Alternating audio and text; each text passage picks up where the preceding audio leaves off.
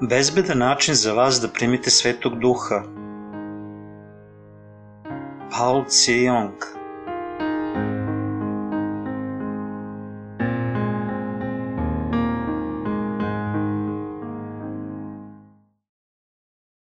Prva propoved Sveti duh čini kroz Božiju reč obećanja. Dela 1, 4 do 8 I sabraše ih, zapovedim da ne idu iz Jerusalima, nego da čekaju obećanje očeo, koje čuste, reče od mene, jer je Jovan krstio vodom, a vi ćete se krstiti duhom svetim, ne dugo posle ovih dana. A oni onda, koji zajedno behu, pitahu ga, govoreći, gospode, hoćeš li sad načiniti carstvo Izraelio? A on im reče, nije vaše znati vremena i leta koje je otac zadržao u svojoj vlasti, nego ćete primiti silu kad siđe duh sveti na vas i bit ćete mi svedoci u Jerusalimu i po svoj Judeji i Samariji i tja do kraja zemlje. Jednom sam imao iskustvo primanja plamena od nečeg nalek svetog duhu, primoliti, ali taj plamen nije ostao zadugo i ubrzo je iščezao u ličnosti sa akumuliranim grehom. Međutim, ja sad želim da vam prikažem istinu o svetom duhu koji će stanovati u vama za uvek – ne kroz privremenog duha koji lako iščezne zbog greha, već kroz istinito evanđelje.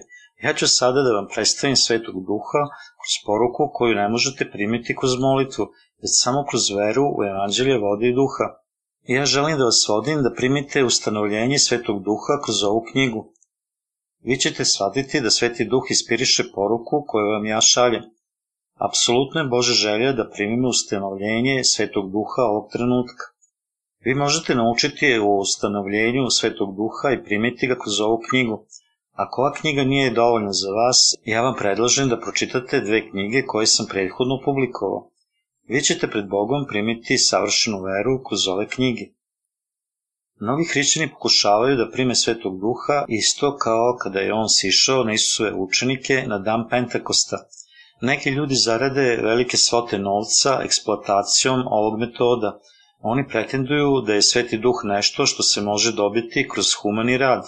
Oni žele da imaju vizije, izvode čuda, čuju lično Isusov glas, govore stranim jezicima, leče bolesne i steraju demone. Međutim, oni imaju greh u svojim srcima i pod uticajem su zlog duha. Efescima 2, 1 do 2. Čak i sada mnogi ljudi dalje žive bez znanja da su u moći zlog duha. Zato satana mami obmanjuje ljude svakakvim metodama kao što su iznenađenja i čuda što je zaista samo iluzija. Isus je zapovedio svojim učenicima da ne idu iz Jerusalima, nego da čekaju obećanja očeva, dela 1.4.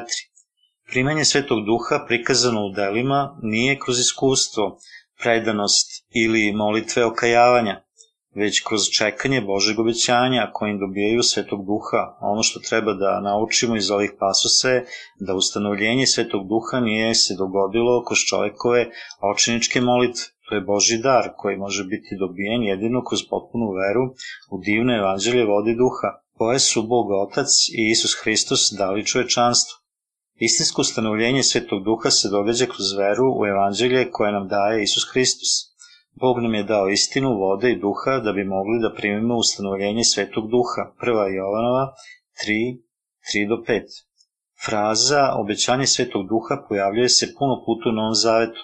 Petar kaže u svojoj besedi, dela 2, 38 do 39, o krštenju u Svetim Duhom na dan Pentakosta. Božje obećanje je da će dati Svetog Duha onima koji prime oproštenje grehova kao rezultat verovanja u divno evanđelje. Ustanovljenje Svetog Duha je dar onima koji prime oprošte grehova i ima značenje ispunjenja Božeg obećanja. Sveti Duh u Novom Zavetu nije ništa što se može dobiti nagodbom između Boga i čoveka, već je obećan dar od Boga, stoga ustanovljenje Svetog Duha, kako otkrivaju dela, nije nešto što će se dobiti kroz molitvu. Dela 8, 19 do 20. Sveti Duh dolazi samo na one koji veruju evanđelje vodi duha koje nam Isus dao. Isus je obećao svojim učenicima da će poslati svetog duha kako bi mogli biti ustanovljeni svetim duhom, jer je Jovan krstio vodom, a vi ćete se krstiti duhom, svetim, ne dugo posle ovih dana. Dela 1.5 Tako da su njegovi učenici čekali na ispunjenje Božeg obećanja. Gledano u veru onih iz Biblije koji su primili ustanovljenje Svetog Duha, mi shvatamo da se to nije dogodilo njihovim nastojanjem, već željom Božjom.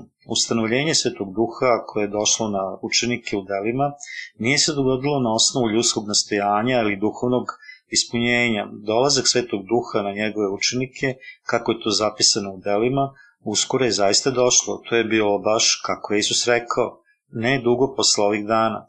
To je bio pravi blagoslov u vreme rane crkve.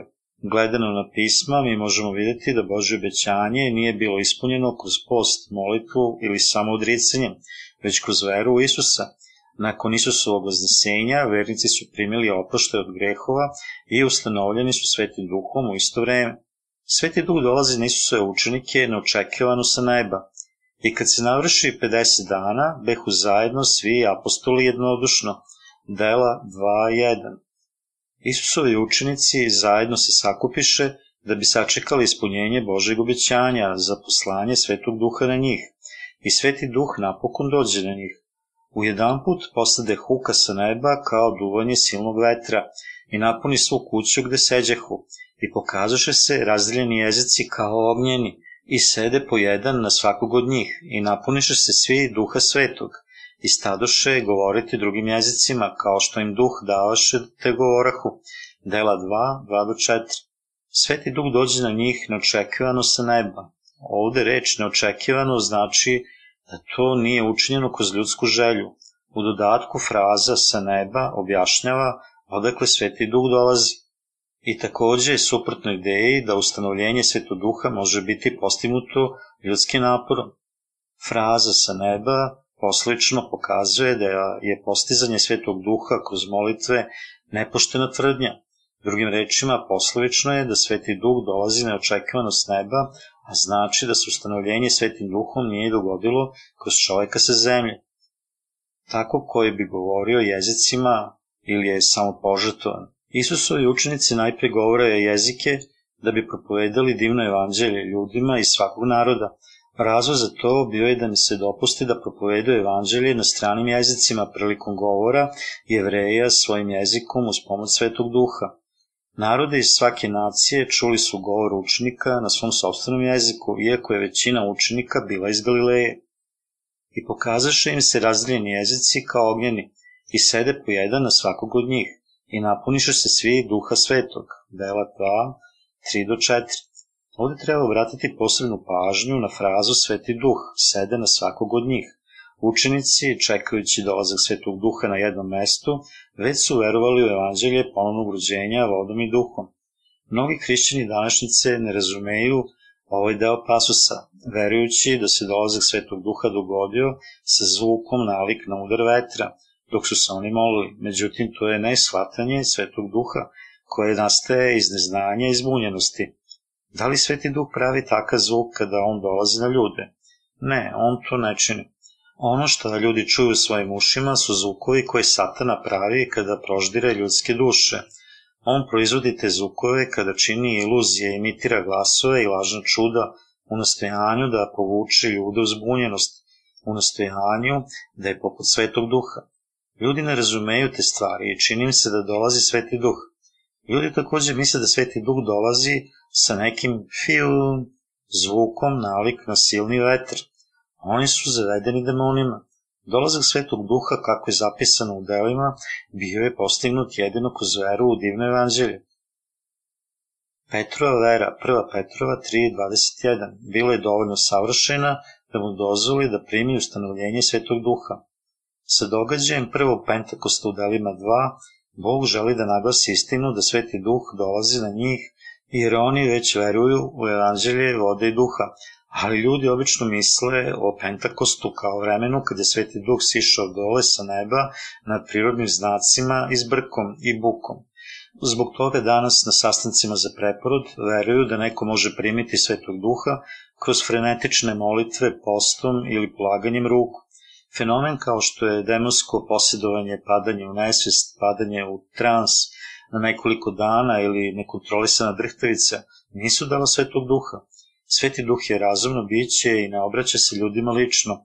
On se ne ponaša drsko prema čoveku jer je on Božja ličnost koja posjeduje inteligenciju, emocije i želju. On dolazi na ljude samo kad oni veruju u reč evanđelja vode i duha.